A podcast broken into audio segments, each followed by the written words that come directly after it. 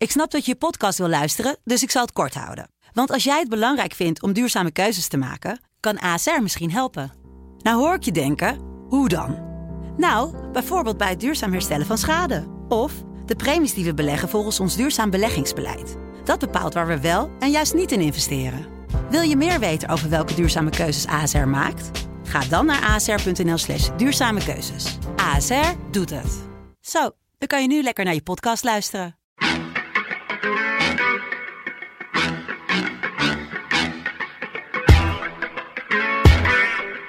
Dit is, dit is het land van Wierde. Een podcast van de Telegraaf met analyses op het nieuws die u elders niet hoort. Met Wierde en Roel den Outer. Wiert, welkom. Jij klinkt een beetje verkouden. Ik hoop dat je het gewoon allemaal heel houdt de komende ja, dagen. Ja, het ook inderdaad, ja. ja. Zeg, wij uh, we trappen af. Want, uh, de Telegraaf geeft elke dag meerdere nieuwsbrieven uit. De ochtend, de middag, de avond, in het weekend. altijd heel verstandig om je daarop te abonneren overigens. en dan hebben we ook vaak polletjes in. Dus dan houden we een soort verkiezingjes. En we, ik heb vanmiddag in de poll van de middagnieuwsbrief gevraagd... wat onze lezers vinden of From the River to the Sea strafbaar moet zijn. Ja. Wat uh, denk jij dat er uit die poll is gekomen? Mm, Veel mensen zijn het daarmee eens dat het strafbaar moet worden. Hoeveel het ermee eens zijn? Ja. Ik denk 60 of zo. 60 procent. Oké. Okay. Nou, dat is uh, 80 procent. Die het ermee eens zijn. 78 procent vindt dat het strafbaar moet zijn. En 22 procent vindt dat het niet strafbaar uh, moet hmm. zijn. Blijft toch nog mee dat ze dan... Uh, hè, dat, dat zoveel mensen toch niet geïndoctrineerd blijken te zijn door de MSM. Leg jij nou nog eens uit waarom dit strafbaar zou moeten zijn, Beert? From the river to the sea. Ik weet het zelf niet eens, want ik ben nogal absolutist qua uh, vrijheid van meningsuiting. Ja. Maar dan moet je er dus van uitgaan dat het oproep tot geweld is. Wat het dus feitelijk is, hoewel de rechter eerder heeft besloten dat het niet zo is. Maar ja. als jij dus zegt from the river to the sea, uh, Palestine will be free. Dan heb je het over het gebied waar nu dus de staat Israël uh, zich bevindt. En als je de staat Palestina daar zou willen vestigen uh, in de oproepen van dit soort militanten, betekent dat, dat, dat betekent dan dat je dus de, de staat Israël vervangt. En, um, en, en daarmee ook de Joden. Daar komt de, de, nou ja, de Joden, de Israëli's, dus de Israëliërs die daar, die daar wonen. Daar komt het op neer. Alleen, um, je kunt daar natuurlijk. Um, heel erg in gaan nuanceren. Zoals ja. die van Balen van Denk deed bijvoorbeeld in de Tweede Kamer. Ja, dat uh, fragmentje gaan we straks luisteren. Maar die, ja, het is natuurlijk ook op meerdere manieren interpreteerbaar, hè, dat, uh, die, die kreet. Ja, maar dan kun je zeggen, ja luister, het hakenkruis was vroeger ook gewoon een soort van runeteken. Of nou, weet ik veel, zo'n zo'n symbool. En het is vervolgens door de nazi's uh, tot het symbool van het nazisme gemaakt eigenlijk. En dus weet iedereen direct waar het voor staat als je dat ergens op een muur krast, zoals nu gebeurt bijvoorbeeld bij ja. Joden in Nederland. Dus, uh, en aangezien deze strijdkreet, de strijdkreet is van de militante uh, Palestijnse terreurbewegingen ook, die uh, Israël van de kaart willen vegen. Zoals Hamas, die dus de vernietiging van Israël hebben opgenomen in hun handvest. Dan weet je ook precies wat daarmee bedoeld wordt. Alleen uh, al die radicalen die nu de straat op gaan, waaronder ook al die woke linkse meisjes die eigenlijk helemaal geen idee hebben waar Israël ligt, maar het wel hip vinden om met die demonstraties mee te lopen. In het gezelschap van radicale islamisten die, um, als zij het, het gezag zouden hebben, deze meisjes hun vrouwenrechten zouden ontnemen. En al die queers voor Palestine die ook meelopen, ja. dan, die zouden in Palestina van een gebouw worden ge, gegooid. Oké, okay, dat soort mensen dus. Die komt het wel goed uit dat ze dus in, zeg maar, in de mist van, in die soort juridische mist, deze slogan wel mogen, wel, wel denken te kunnen gebruiken. Ja, want de nazi's hebben, waren er ook heel erg bedreven in overigens. Hè? In de jaren dertig met allemaal kreten die net niet strafbaar waren. Waardoor ze toch, waar toch de hele bevolking begreep wat ze bedoelden. Ja, ze waren ook heel bedreven in het vermoorden van Joden. Uh, ja, ja, dat, uh, ja, daar is het uiteindelijk toe, heeft dat toe geleid inderdaad. Er is nu een hele morbide clip op, op sociale media. Dat fragment uit die film over Hitler, weet je wel. Wat, wat heel vaak wordt gebruikt, waar Hitler dan zit met zijn officieren. Ja. En dan wordt, gaat heel, wordt helemaal gek, gaat helemaal. Is dat Untergang is dat. ja. En het wordt toch telkens gebruikt op hele hilarische manieren. Hè? Van ik wil yoghurt en zo. En dat soort eh. Ja. Maar nu is, nu, dit is echt heel morbide. Nu wordt Hitler dus woedend omdat Hamas erin is geslaagd om dus wel heel veel Joden te vermoorden. En op een nog afgrijzelijke manier ze te vermoorden dan dat het de nazi's lukte bij wijze van Ja. spreken. Dus dit is wel een hele eh, morbide eh, humor. Ehm, eh, en het, de vraag, ja, nee, het is niet eens een vraag. Ik bedoel, dit, dit, lijkt, dit laat zien heel scherp hoezeer, eh en dat weten we nu uit de verhalen die naar buiten zijn gekomen over wat zich daar precies heeft afgespeeld op 7 oktober. Dit laat zien aan hoe afgrijzelijk die en hoe abnormaal die, ehm, die uitspattingen, laten we zeggen, van die Hamas-terroristen zijn geweest. Omdat ze in afschuwelijkheid soms nog die ehm, van de nazi's eh, overtreffen. Nou, en ik heb me nogal bezig gehouden met dat tijdperk van nationaal socialisme. En ook met eh, de kampen als, zoals Auschwitz en Flossenburg en zo. Ehm, dus ik heb daar veel over gelezen. Zoveel dat je af en toe gewoon boeken moest wegleggen. Omdat, je daar, ehm, omdat het heel slecht is voor je geestelijke gezondheid. Ja. Ehm, maar inderdaad, die Hamas-gekken die kennelijk op, op een bepaalde druk ook, eh, drugs, eh, zo tekeer zijn gegaan. Dat, dat kom je in, in de annalen van die vernietigingskampen van de nazi's.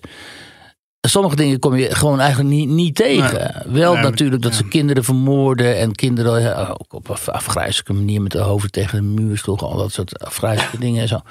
Maar echt, weet je, amputeren en, en Ja. onthoofden en zo. Ja, die Duitsers deden het natuurlijk heel georganiseerd. Dat was een georganiseerde endleuzing eh, ja, letterlijk. En, industriële en, ja, en die Palestijnen die waren natuurlijk totaal losgeslagen, ook door drugs. Maar en ook die, want eh, deze week zijn dan die eh, verhoren naar buiten gekomen. Die, eh, die IDF, het Israëlische leger, heeft Ja. gedaan met die gevangen Hamas-terroristen. ja. Daaruit blijkt dat die jongens eh 10.000 euro per ontvoerde Israëliër was geboden. ja, en een appartement. en een appartement ja, in Gaza. in Gaza. ja. Nou, die zult er nu nog niet meer staan. Overigens, dat irriteert mij heel erg aan, die, aan al die berichtgeving van de mainstream media. Ja. Er wordt gedaan alsof er de afgelopen, alsof de hele Gaza zo'n beetje plat gebombardeerd is. Maar ja, volgens, en dan ook, ik hoorde het nu ook weer op, toen ik hier naartoe kwam rijden, het nieuws. En dan volgens Pa- Palestijnse media Ja. hebben ze het dan over. precies. En eh, Dat is gewoon de Hamas die bekend maakt hoeveel doden er zijn. Ja, en moeten we die gaan geloven? Het is toch bizar. Ik bedoel, wij citeren al niet eens meer Russische media, omdat wij vinden dat die Nee. liegen. Dat zijn staatsmedia immers, die liegen niet. We hebben zelfs RT en zo hier verboden. Hè, die Ja. hebben we geveerd van de kabel. Russia Today. Ja. Ja, Russia Today. Vond En ik wel nu- interessant om naar te kijken trouwens. Het is wel goed om dat Ja, dat is heel goed. Dat had Ja. ook gewoon op de kabel moeten zitten, vind Ja. ik. Dus ik vind het schandalig dat die ervan afgegooid zijn. Ehm, maar nu citeren we gewoon Palestijnse media alsof dat, alsof dat gelijkwaardig is aan onze eh, persbureaus bijvoorbeeld. Ja. Hè? Ja, nou, zo kwam natuurlijk ook die, die, dat, die valse berichtgeving over het ziekenhuis ehm, de wereld in. Dat werd ook veel te gretig overgenomen. Ehm, kijk, dat is natuurlijk. Je kunt niet logisch straffen dat zich daar nu een catastrofe afspeelt, daar in, in. Gaza. Dat is wel duidelijk. Maar ja, als je dan ziet dat dat Pellywood ook weer heel actief is. Hè? Ik weet niet of je dat gezien hebt, maar één zo'n vent die dan, die dan ehm, acteert dat hij. Het ene moment is hij dus een. ehm, Palestijnse een Hamas-terrorist. Het andere moment is hij, wordt hij door Israël eh, aangevallen, moet heel erg huilen. Derde moment ligt hij in een ziekenhuis. En vierde, hè, dus die, die, je ziet ook met die kinderen, met kinderen wordt weer gesold en zo. Ja. Dus zij zijn natuurlijk ook bezig om hun eh, propaganda weer, machine weer te laten draaien. Dat, dat, dat gebeurt altijd trouwens. Maar ja, goed, aan de andere kant, de Israëli's die bedrijven natuurlijk al hele ge- gesofisticeerde propaganda. Hè. Die hebben al die, heel, al, al die hele eh, die, perfecte Engels sprekende woordvoerders. die dan weer voor CNN en elders en zo komen vertellen wat de situatie is. Ja, die hebben natuurlijk ook vroeger gestudeerd in Engeland of in, eh, in Amerika zelfs. Ja, dat zijn vaak eh, gewoon eh, Engelstalig. eh, Engels is eh, eh, niet zelden ook hun moedertaal en zo. Dus ja, daarmee verhoud je je ook veel makkelijker, ook als journalist, dan met eh, die Palestijnen die vaak gebrekkig Engels spreken en dan heel, eh, Ja. zeg maar, heel geëxciteerd, geëxalteerd eh, hun berichtgeving eh, naar buiten brengen en zo. Dat is voor ons altijd al, ook een hele andere wereld, zeg maar. Ehm, maar ja, goed. ehm, ehm, ja, wat zich daar nu. Kijk, de, de Israëli's zijn vannacht naar binnen gegaan. Hè? En ik heb ook contacten met, ehm, met uh, Israëli's die ook wel in, eh, in dat leger, zeg maar, rond dat leger hangen of erin zitten. en uh, die vertellen dan ook dat ze gewoon al een aantal keren naar binnen en weer eruit zijn geweest. Dus dat, die grondoorlog, die zit er gewoon aan te komen. Af en toe zijpelt er wat naar buiten. Gisteren was er ook een IDF-soldaat was er overleden. Waarschijnlijk bij een actie om te lokaliseren waar die gijzelaars misschien zitten. Ja. Maar die zitten natuurlijk in dat krankzinnige uh, tunnelstelsel daar onder de Gaza. Honderden kilometers tunnels, hè? Ongelooflijk. Dus... Wat, ga je, wat ga je daaraan doen? Als daar gijzelaars in zitten, kan je natuurlijk ook niks doen met die tunnels. Nee, als die gijzelaars daar zitten, dan, moet je, dan loop je het risico. Dan moet je bewust risico gaan lopen dat je hen gaat ombrengen. En er zitten allemaal kinderen tussen. Ja, Gelukkig ja. uh, voor de Hamas zijn er, he, hebben ze in Nederland nuttige idioten in de Tweede Kamer ja. bijvoorbeeld. Oei, Meneer Van Baarle, want om maar eventjes uh, nog weer eventjes terug te komen op uh, From the River to the Sea, Palestine will be free. Die uh, opmerking van Baarle maakte hem ook weer in de Kamer. En daar Vera Bergkamp maakte zich daar heel erg boos over. Misschien ja. we dat eventjes gaan horen. En daarom moeten Nederland en de Europese Unie het enige alternatief bevorderen. Eén staat met gelijke rechten voor iedereen. Of je nou Joods bent of moslim. En die staat heet Palestina.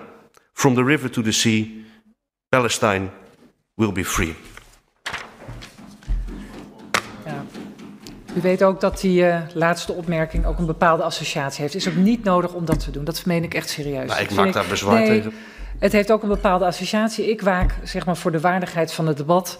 Hier kan vrij gediscussieerd worden, maar u hoeft niet dit soort woorden in de mond te nemen. als u weet dat dit ook soort uh, associaties heeft. Ja, Vera Bergkamp is uh, heel duidelijk. Hè? Ja, en, uh, en, ja, ja, en terecht natuurlijk, want ze wijst erop waar we, daarop waar, waar wij het eerder over hebben uh, gehad. En, um, maar het erg is natuurlijk dat Denk. Waarvan wij al wisten dat het een hele provocerende partij was. En ze provocatie bewust inzetten. Maar die doen dit nog eens in de overtreffende trap deze tijd. In de campagnes. Um, ook in hun verkiezingsprogramma. Hè, dan zie je Wilders achter de tralies onder andere. Uh, op die plaatjes hebben allemaal van die provocerende plaatjes dan um, uh, gefabriceerd.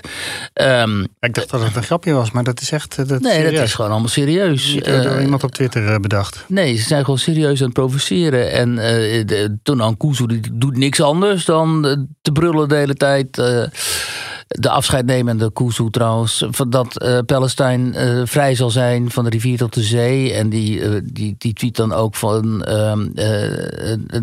landkaarten van Israël met daaroverheen de Palestijnse vlag en zo. Dus ja, ze voelen zich dus heel erg um, comfortabel hierin. En dat is ook geen wonder. Dat is ook geen wonder, omdat wat wij de afgelopen tijd gezien hebben, is natuurlijk dat in Nederland het gezag onmiddellijk weer is gecapituleerd, net zoals in 1940. Sorry dat ik de vergelijking maar eens maak, maar die moet je wel trekken. Als je kijkt nu wat er allemaal gebeurt. Hè, dat uh, Joden zijn bang. Joden die, um, die worden bedreigd. Hun synagoges uh, uh, en hun scholen worden, zijn gesloten. Um, Joodse um, uh, inwoners van Amsterdam onder andere, die nemen alles wat aan uh, hun Jood zijn refereert, dat halen ze van hun huis om er maar niet op te vallen, omdat er ook al hè, bij Joodse bewoners uh, hakenkruisen en Davidsterren en zo zijn. Um, op het gekrast of geschilderd. Um, de Israëlische Filmfestival kan niet doorgaan. Um, ik zalen. Laat, ik hoorde laatst van, een, van iemand die zei dat haar man Joods is en uh, die uh, stond, laatst voor het raam, stond recent voor het raam en die zag dat er mensen buiten zijn huis stonden te fotograferen. Ja, ook dat in Buitenveld. Het is dat, dat gebeurd. is waanzinnig intimiderend. Ja, daar heb ik ook filmpjes van gezien. Dat ze dan met de auto door die straten rijden en dan die huizen fotograferen. Um, uh, zalen willen geen, uh, geen ruimtes meer verhuren aan uh, Joodse organisaties. Dus het is allemaal verschrikkelijk intimiderend. En dan gaat de Kristallennachtherdenking bijvoorbeeld gaat ook niet door. Omdat dan men bang is voor eventuele ongeregeldheden. Ja, als nou, de Groningen. Tocht, hè, de, de, tocht, ja. de tocht gaat niet door. De herdenking zelf wel, maar dat is allemaal besloten en binnen. Ja. En, en de tocht durven ze niet aan. Dat durven ze niet aan. Nee. nou ja, die durven ze niet aan Op basis van bepaalde natuurlijk, uh, vanaf, op basis van de sfeer in de samenleving nu. En dan, kijk, op zo'n moment moet het gezag natuurlijk zeggen: oké jongens, dit is allemaal versterkt in, ontoelaatbaar. We hebben dit meegemaakt tussen 1940 en 1945. Juist Nederland heeft een krankzinnig deel van zijn Joodse bevolking laten afvoeren. In tegenstelling tot bijvoorbeeld Denemarken, hè, die, waar de bevolking gewoon de Joden heeft geholpen te vluchten naar, naar Zweden bijvoorbeeld.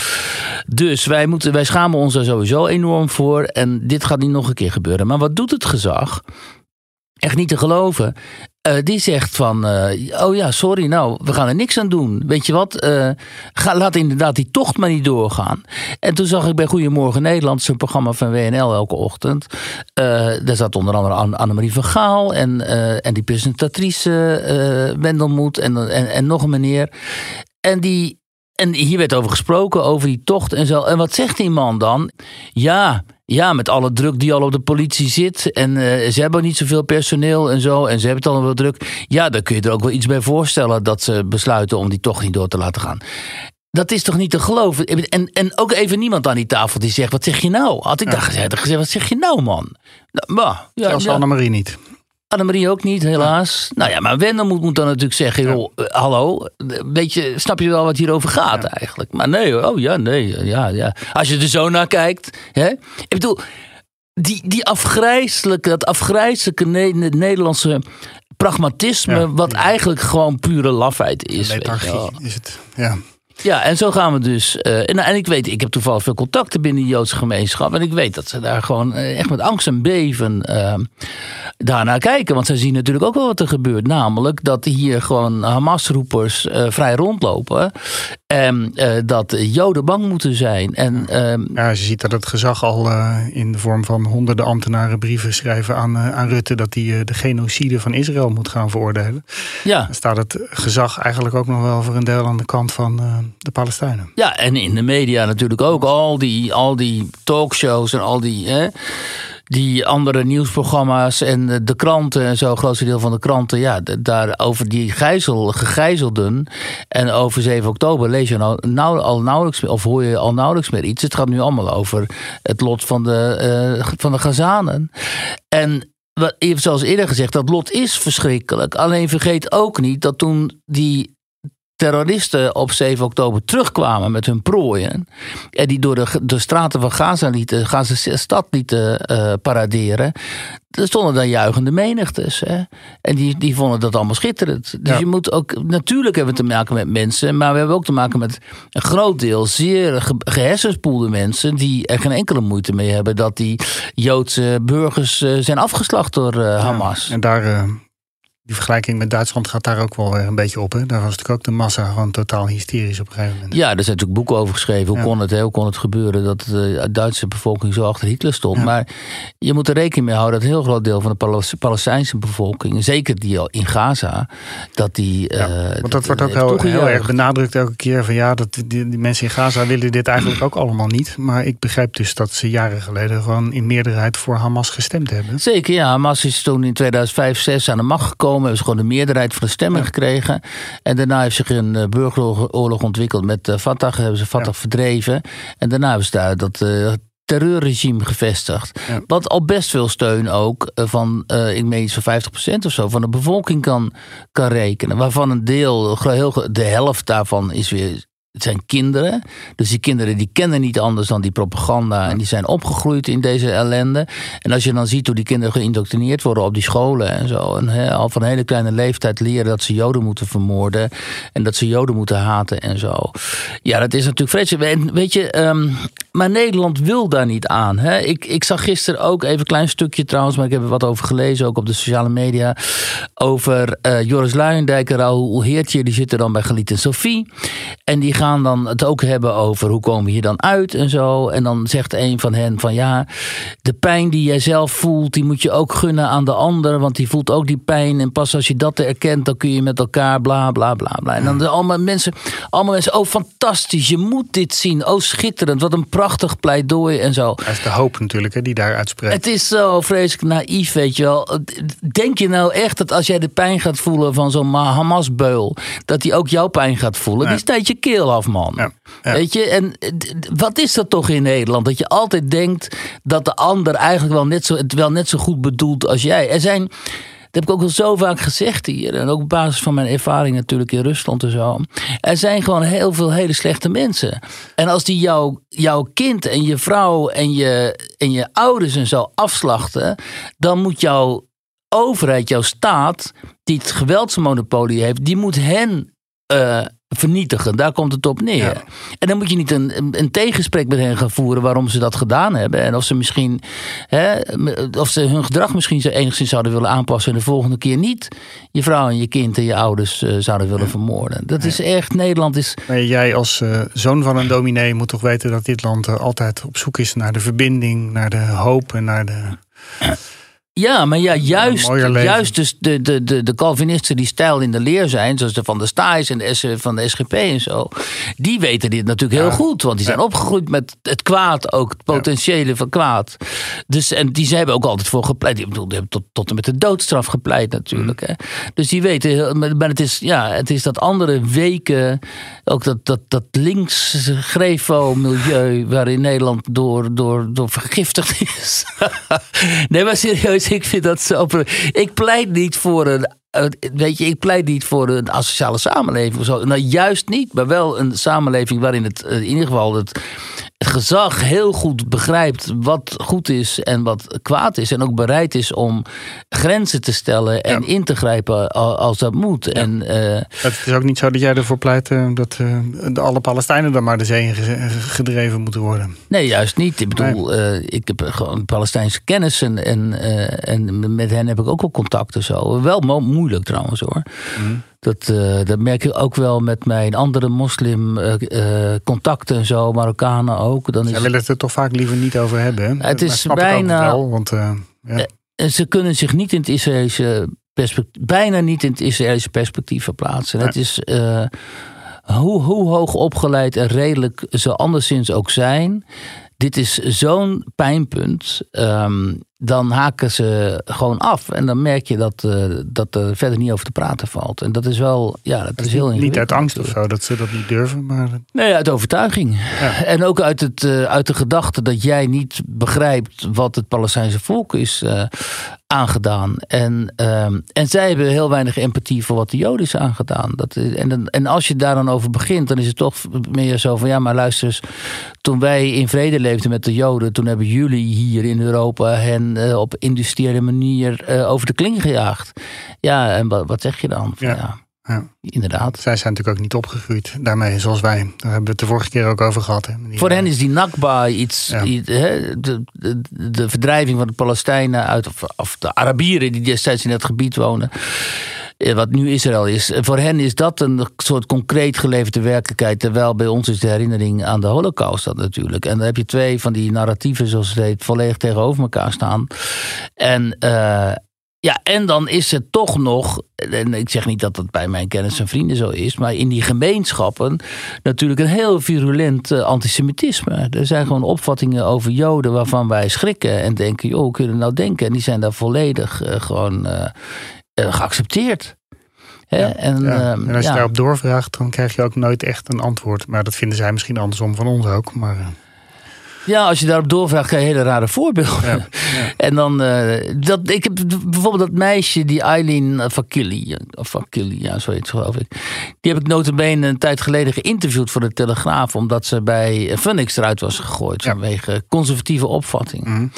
En die zie ik nu ook zo'n video maken, ehm, waarin over de Zionisten. En het is echt niet te geloven. Dus die, die draaft helemaal door. Die ziet echt een soort wereldheerschappij van Zionisten. Waar wij met z'n allen voor werken. En zij, die Zionisten, die innen dan ons, ons, eh, ons geld en zo. En wij zijn een soort slaven van de, de Zionisten. Maar ja, en Zionisten is natuurlijk gewoon een, een, een, synoniem voor Joden. Dus ja, dat is natuurlijk heel erg bedenkelijk.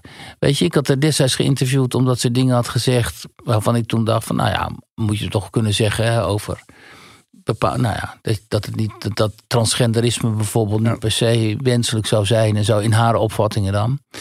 Eh, maar ja, dan zeg, gaat ze dit soort dingen zeggen. En dan, ehm, dan moet je natuurlijk wel denken van, ehm, oké, Het heeft ook wel volgers, jonge volgers. Ja, ja. Net zoals het kanaal Semokro, Ja, hè, waar we... eh, ik volgde dat toevallig al een paar maanden. Want ik had eens een keer een verhaal gelezen ergens... dat, dat, dat die een miljoen volgers hebben in Nederland. Vooral eh. Nederlandse jongeren. En eh, helemaal niet alleen Marokkaanse jongeren. Nee. Dat zou natuurlijk wel denken als je die naam hoort. Die waren redelijk gematigd. Tot, de, tot de afgelopen inval van die Hamas in, in Israël. Nu zijn ze echt to- totaal doorgeslagen. Echt. Ja, die propageren gewoon het Hamas-verhalen eigenlijk. Ja. En eh, dan zie je dus die reacties. eh. het CIDI heeft aangifte tegen hen gedaan vanwege eh, Ja. opruiing en jodenhaat. Zij En- schrijven ook nog steeds dat er een Israëlisch bombardement op dat ziekenhuis is geweest. Ja, laat ze ook gewoon staan. Laten ze gewoon staan. En, eh, Kuzu laat het ook gewoon staan op Twitter. Hè? Die heeft er nog steeds over eh, hoe verschrikkelijk de, de westerse media zijn... omdat ze niet bericht geven over dat eh, ziekenhuis met 800 doden. Laat die gewoon staan. Weet je, dat is gewoon een grove leugen. ja. Maar er is wel een probleempje dat Semokro toch wel eh, 1 miljoen volgers heeft. Dat is, dat is niet nogal wat.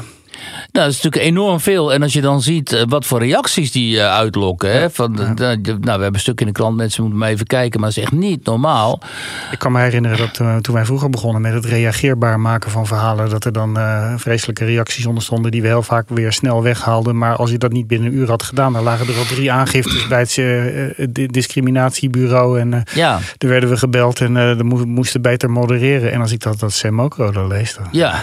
dat kan echt niet. het is echt niet te geloven. En, en, Wie zit daar eh, achter? Hebben dat, weten we dat eigenlijk? het schijnt, niet- dat schijnt niet te bekend te zijn, althans niet bij ons. Er moet natuurlijk ergens een redactie zijn van een paar mensen die dit eh maakt. Want ze maken echt veel berichten elke dag. Ja, nou ja, in Amerika heb je natuurlijk dat account dat ook heel populair is geworden, hè, van die Jackson Hinkle. Waar ook eh, pure leugens worden verspreid ook. En dan zie je, ja, dat is gewoon een verdienmodel. Die vent die heeft een de ab- ab- abonnee eh, p- mogelijkheid, modus. Ja. Dus voor 3 dollar of zo kun je je abonneren. En dan spuit die gast dus allemaal anti-Joodse en eh, pro-Hamas eh, propaganda. Nou, enorm populair. Met heel, heel veel van die mensen met namen van wie je dan ook wel weet waar die, uit welke regio die Ja. komen. en Zo. Die zijn hem heel erg dankbaar. En ehm, ja, dat is natuurlijk wel. Ik heb altijd gezegd: ja, blijf met je, eh, blijf van die sociale media af. En eh, zeker overheden moeten zich daar niet in mengen en zo. Maar hier zou Twitter natuurlijk gewoon moeten modereren en zeggen: ja, Ja, maar dit kan. ja, maar dit is Insta. Instagram, uh, Semokro bijvoorbeeld. Ook eens Instagram. Ja. Maar die Hinkel die zit dus op. Die is overal van afgegooid trouwens hoor. Maar die, die zit wel op Twitter. Omdat Elon Musk kennelijk dat vindt dat eh, dat, dat eh, allemaal maar moet kunnen. Ja. Nou, de Ja. komende verkiezingen zullen ze daar ook zeker rekening eh, mee moeten gaan houden. Dit, eh, met dat soort kanalen. Dat, eh, dat die ook nogal de mensen kunnen beïnvloeden. Maar gelukkig hebben we bij de komende verkiezingen Dylan Jesselgus bij de VVD. En die gaat nu al aardig los hè, op social media. Ze maakt leuke filmpjes en maakt de goede one-liners. Vreselijk. Dan zie je Dylan in zo'n filmpje. En dan gaat ze met, hoe heet die, eh, die Rico? Verhoeven. Rico Verhoeven gaat ze dan zogenaamd trainen en zo. Ja, misschien even een stukje naar luisteren. Wat je ook in de dojo leert, is niet alleen de sport, maar is ook respect. Ja. Lessen die je in het echte leven ook heel goed kunt gebruiken.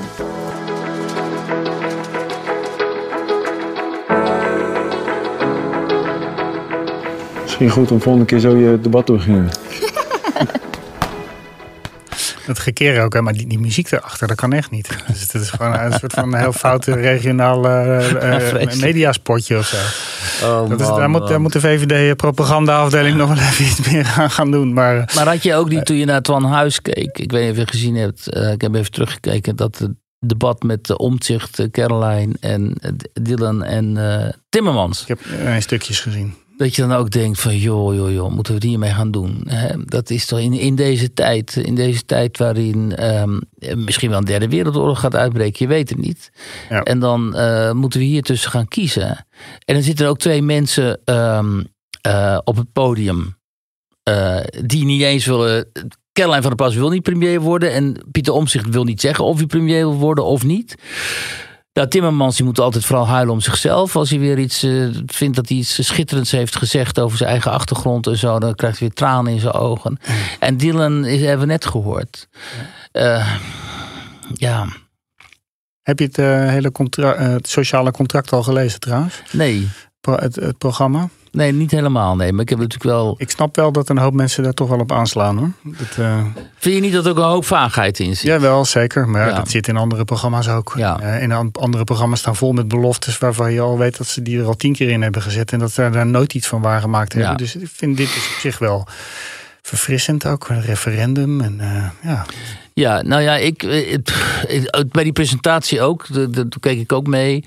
En uh, terwijl zich dus, uh, ik vind het verbijsterend gewoon, het contrast tussen wat zich in de wereld afspeelt, wat zich in onze straten afspeelt, de enorme urgentie van om om een hele ander, heel ander beleid te gaan voeren. We hebben zo'n fragmentje ook van wat zich in Duitsland, wat je in Duitsland kon, kon horen. Uh, wat jonge immigrantenkinderen daar zeggen over Joden. Zo even luisteren.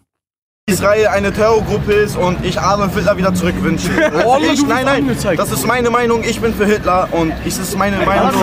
Wir leben hier in Deutschland, hier muss man mit Kritik umgehen. Ich bin für Hitler, Adolf Hitler, vergaß die Juden. Genau. Wir wollen Hitler zurück, Adolf Ja, dit zijn geluiden van de straat. Ja, En... Ik wil Hitler terug. Ik ben ja. voor Adolf Hitler, vergaste Joden, haha. En, en ja. misschien zit er ook een soort baldadigheid Ja, het zijn wel opgefokte pubers, denk ik. Opgefokte pubers, maar... Maar toch, ze zeggen het maar even dit is, ze zijn dus helemaal niet bang om dit soort grappen te maken. In notabene Duitsland, wat verantwoordelijk ja. is geweest voor die holocaust.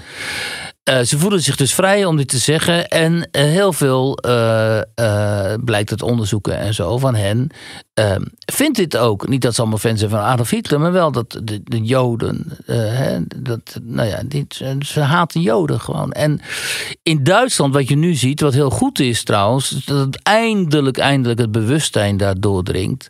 Dat ze met een enorm integratieprobleem te maken hebben. Dat de islam daarbinnen een grote rol speelt. En dat daar iets aan gedaan moet worden.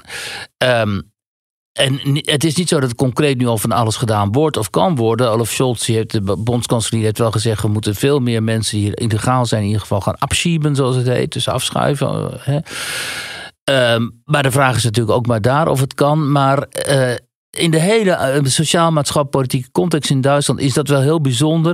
Ik zag bijvoorbeeld ook een tweet van de Duitse politiebond, die um, een, iets, een verhaal over. Uh, totaal mislukte integratie in Zweden en dan de jodenhaat in Zweden online gooide. Um, met andere woorden, ook die politiebond die begrijpt, want dat is ons voorland wat zich daar in, in Zweden afspeelt. Nou, dat is in Duitsland wat altijd zo ontzettend uh, politiek correct is, heel bijzonder dat dit soort stappen worden genomen. Ja, en um, dus daar wordt die urgentie kennelijk gevoeld. Ook dat merk je ook uit de uitspraken van, van Scholz en anderen en zo, ook in de talkshows. Um, en dan hier, dan kijk ik naar, dat, uh, naar die presentatie van het uh, NSC-programma. En ik kijk naar dat, uh, dat quasi-debatje bij, bij Ton Huis. En dan helemaal niets. Ik vind er helemaal niks in terug van de urgentie die ik zelf wel voel. En waarvan ik weet dat heel veel mensen die voelen. Die betekent dat de politiek zou moeten zeggen: joh desnoods gaan we daar een consensus over zoeken. In ieder geval met een aantal partijen. Maar dit gaan we nu stoppen. We gaan die massa-immigratie niet meer toestaan. We gaan mensen echt het land uitzetten. We gaan mensen heel hard aanpakken als ze de grens van de opruiing en uh, aansporing tot geweld overtreden. We konden dat ook bij die coronademonstraties, weet je nog, terwijl we de waterkanonnen klaarstaan om die uh, wappies, die we toen wappies noemden, uh, met een enorme waterstraal tegen, zo hard tegen het plafond of tegen het beton te spuiten dat die mevrouw daar een, zo, een enorme hoofdbreuk aan overhield. Toen kon het wel. En nu kan het niet. Wat is dat voor. Nou ja, hè, ik bedoel maar. En alsof het besef ook helemaal niet doordringt dat we dus gewoon een, uh, een vijfde kolonie hier in eigen huis hebben. En dat als we zo doorgaan zoals nu, dat we dan over 10, 15 jaar uh, uh, misschien wel een maar, heel groot probleem ook hebben met, geweld, met groepen die geweld inzetten tegen ons. De VVD roept dit natuurlijk al jaren. Dat ja, Nederland roept dit dan keihard aanpakken. Ja, ja, nou, je hebt, en, en, vervolgens hebben ze Erik van den Burg, die alleen maar loopt te bedelen bij de gemeentes dat er nog meer zeg maar stageplekken, nou ja, opvangplekken voor uh, nog meer uh, vluchtelingen daar heb geen, komen. Daar heb je geen vertrouwen in. Maar de NSC, Nee, wil, het, het, het, eh, contract van uh, Omtzigt uh, wil wel de, migratie een, be een beetje aan banden gaan leggen. Die willen een tax van het 50.000 Ja. netto. Ja, Dus dan, dat betekent dat je iets van 100 of 150.000 bruto eh, laat binnenkomen. Wat ik wel heel goed vind aan hun is dat, eh, dat ehm, eh, Pieter Omtzigt heel duidelijk op de agenda heeft gezet. eh, die krankzinnige situatie in Nederland met dat eh, onderwijs in het Engels. Dat allemaal buitenlandse studenten aantrekt. Die eigenlijk helemaal niks met Nederland hebben. Die hier ook niet blijven. Maar die hier gewoon goedkoop kunnen eh, studeren. En die eigenlijk het hele onderwijs voor een groot deel ook verzieken. Met al hun woke eh, ideetjes over dit en dat. En waardoor en ook de, hè, dat het onderwijs in het Engels plaatsvindt. Dat maakt het ook gewoon de kwaliteit ervan veel slechter. Dat is wel goed dat hij dat op de agenda zet. Maar ehm, ja, ja hij heeft een paar eh, leuke verfrissende ideeën. Het is inderdaad wel bizar dat je in die studentensteden alleen nog maar Engels sprekende studenten rond hoort lopen. Dat is al meer dan de helft soms. Hè? is totaal uit de hand gelopen. Ja, het Nederlands wordt in het Engels gegeven. Ja, ja, oh ja.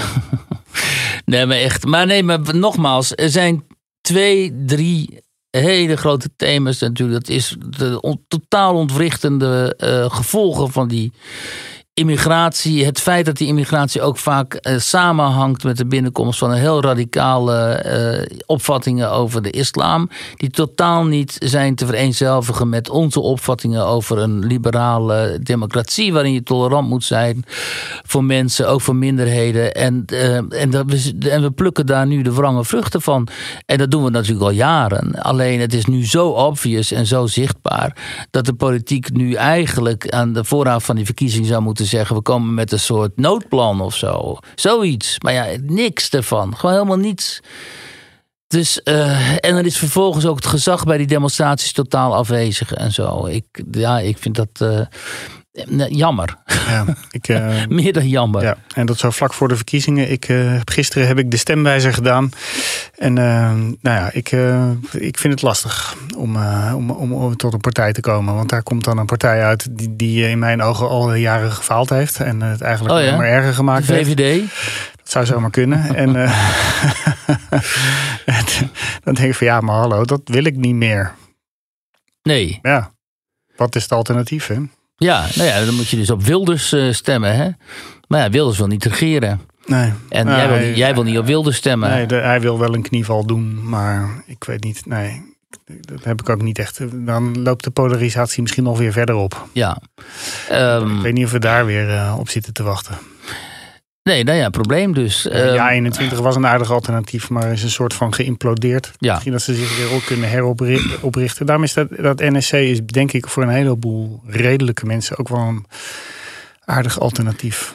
Ja, maar nu gaat dus Pieter Omtzigt samen met eh, Frans Timmermans Ja, een, een town, town hall organiseren. Op initiatief, geloof ik, van Timmermans, hè, begrijp ik. Ja, heel slim. Ja, moet hij natuurlijk nooit doen. Had Pieter natuurlijk moeten zeggen, doen we niet. Nee. Zolang jij nog met eh Joda-haters in één partij zit, namelijk bij, bij GroenLinks, ga ik natuurlijk niet met jou in debat. Ik ga jou bestrijden. Weet je, hij moet de, de polarisatie zoeken met, met, met die partij. Hij moet niet zeggen, oké, ik kom wel gezellig bij jou thee drinken in je town hall.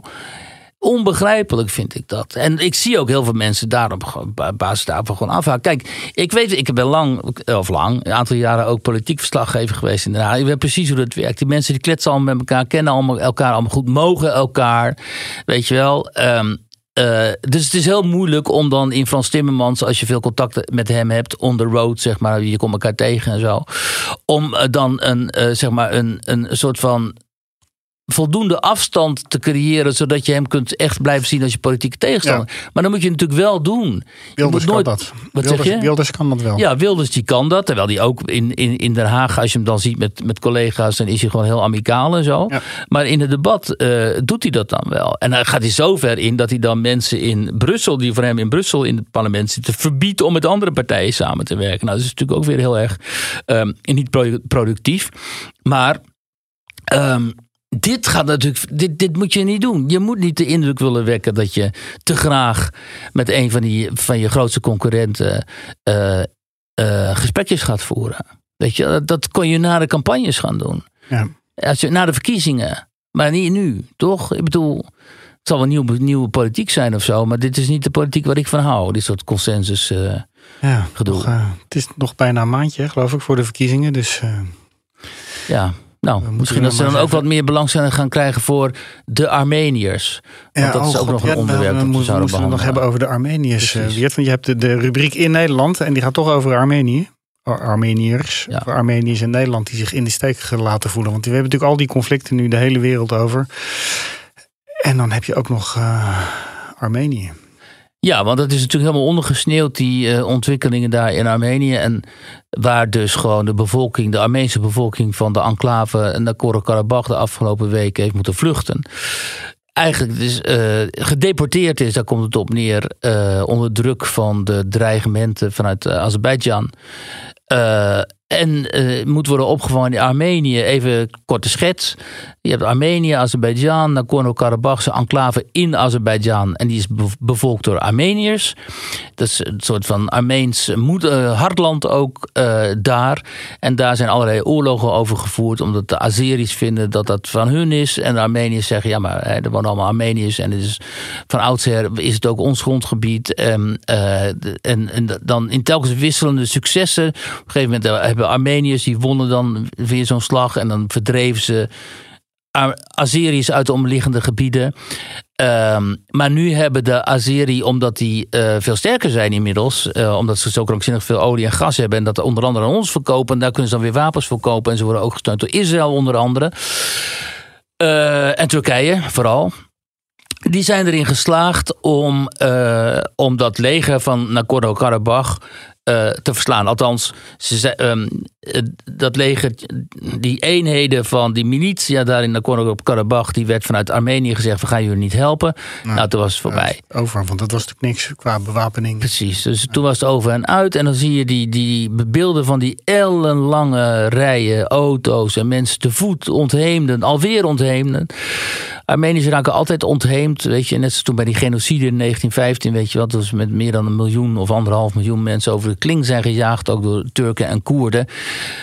De tragiek, de, de tragiek van de Armeniërs eh, is enorm, omdat ze leven daar in zo'n land dat totaal landlocked is, zoals het heet. En ze worden omgeven door vijandige islamitische eh naties, terwijl zij zijn zelf een van de meest van de een, ze zijn een oeroud christelijk volk, eigenlijk een oeroude christelijke beschaving. Ook super interessant trouwens, hun eh, literatuur en hun cultuur en zo. En de manier waarop ze die orthodoxie, die christelijke orthodoxie beleven. Ehm, en vroeger kwamen er dan nog wel eens vanuit de Armeense diaspora. eh, in, die vooral in Californië zit en in Frankrijk. eh werd, kreeg ze dan nog wel eens steun. Dan kwam Charles Aznavour, die eigenlijk Aznavourian heet. Weer, eh, die trad weer over het voetlicht. Of Cher, weet je wel. Of de familie Kardashian. Want Kardashian is dat natuurlijk. Het zijn allemaal Armeniërs. En, maar nu dus niet. Ehm, en het Westen heeft dus, omdat wij geen olie en gas meer afnemen van Rusland, zijn wij gaan, is Ursula van der Leyen gaan buurten bij, eh, in Baku bij die Aliyev. Wat dus gewoon een despoot is, gewoon net zo'n despoot en schurk als Poetin. En, en nu kopen we daar olie en gas. Dus dan is het ook niet handig om dan tegen hen te zeggen, "Ja, je, moet, je moet wel met je handen van uh, Nagorno-Karabakh afblijven. Dus dat, dat hebben we niet gedaan. Dus, en, en omdat Turkije dus. Um, uh, dat bleek al tijdens de genocide in 1915. Uh, geen vrienden is met Armenië. Ja, mag je geen genocide noemen van de Turken? Uh, nee, maar van onze Tweede Kamer wel. Van het ja. kabinet nog altijd niet. En daarom heb ik ook ja, dit, ja. mede dit stuk geschreven. Dit uh, stuk met Nederlandse Armeniërs die hun zorgen uiten. En die vertellen ja, hoe zij dan hier tegenaan kijken en zo.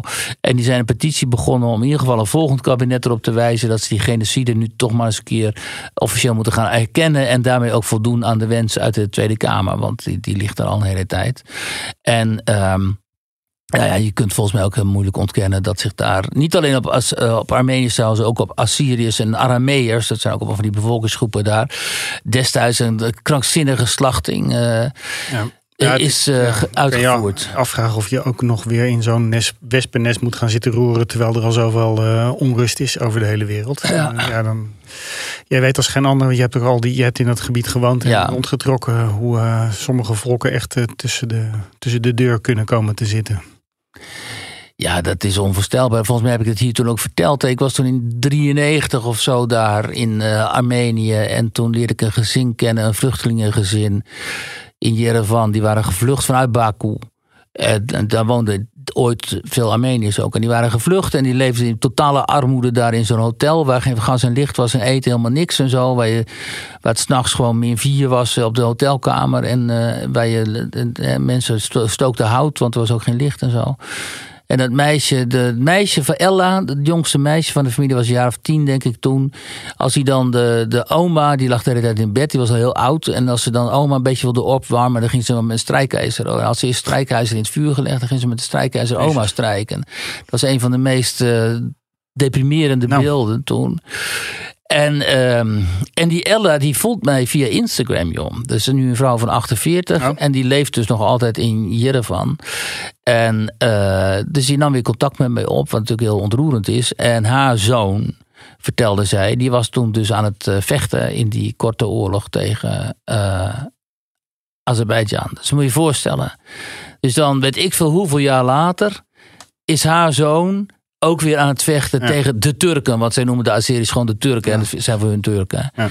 En terwijl in hun, in hun generaties daarvoor zijn ook in hun familie natuurlijk mensen vermoord tijdens de genocide door de Turken. Weet je, het gaat elke generatie, elke generatie van de Armeniërs vecht tegen de Turken. Net zoals elke generatie Joden inmiddels vecht ja, tegen de, verbinding, de ja. Palestijnen. Ja, het, de, de, de, de, de schiksal, het lot van die volkeren. Uh, Alleen de aandacht voor de een is een stuk groter dan voor de ander. Nou ja, de Joden hebben ooit gezegd: uh, dit nooit weer. En die hebben een eigen staat opgericht. Die ze ook zwaar zijn gaan uh, bewapenen. En uh, zij zorgen er ook voor althans tot 7 oktober, dat het nooit weer kon gebeuren. En de Armeniërs hebben, zijn er nooit in staat geweest om op die manier zich zeg maar militair superieur te maken aan die andere volkeren uit de regio. Hadden ze natuurlijk ook het geld niet voor, want Amerika betaalt Israël natuurlijk gewoon. En hun, ze hebben het probleem dat hun bondgenoot, dat is eigenlijk tegen hun, tot hun eigen ongenoegen, hun bondgenoot was daar altijd Rusland. Terwijl Rusland natuurlijk ook volstrekt onbetrouwbaar is. Rusland, Rusland heeft hen nu ook laten vallen. De Armeniërs wilden ook liever niet Rusland als bondgenoot. Maar ja, ze hadden geen andere. Hè. Je kunt niet naar Iran of je kunt niet naar Turkije. En, eh, dus ze moesten daarmee doen. En, um, want het Westen kwam toch niet uh, voor hen op. Dat, dat, dat is het probleem. Ja. Ja, tragisch. Heel tragisch. Uh, op jouw uh, in Nederland pagina vandaag in de Telegraaf. Ja. Ehm, ik wilde jou bedanken en ehm, volgende week gaan wij gewoon weer verder. Dank je wel. Ik neem aan dat Kleis dan weer terug is, want die had iets ingewikkelds. We zijn Kleis kwijt. Kleis kwijt. Kleis, waar ben je? Volgende week is Kleis er weer. Right.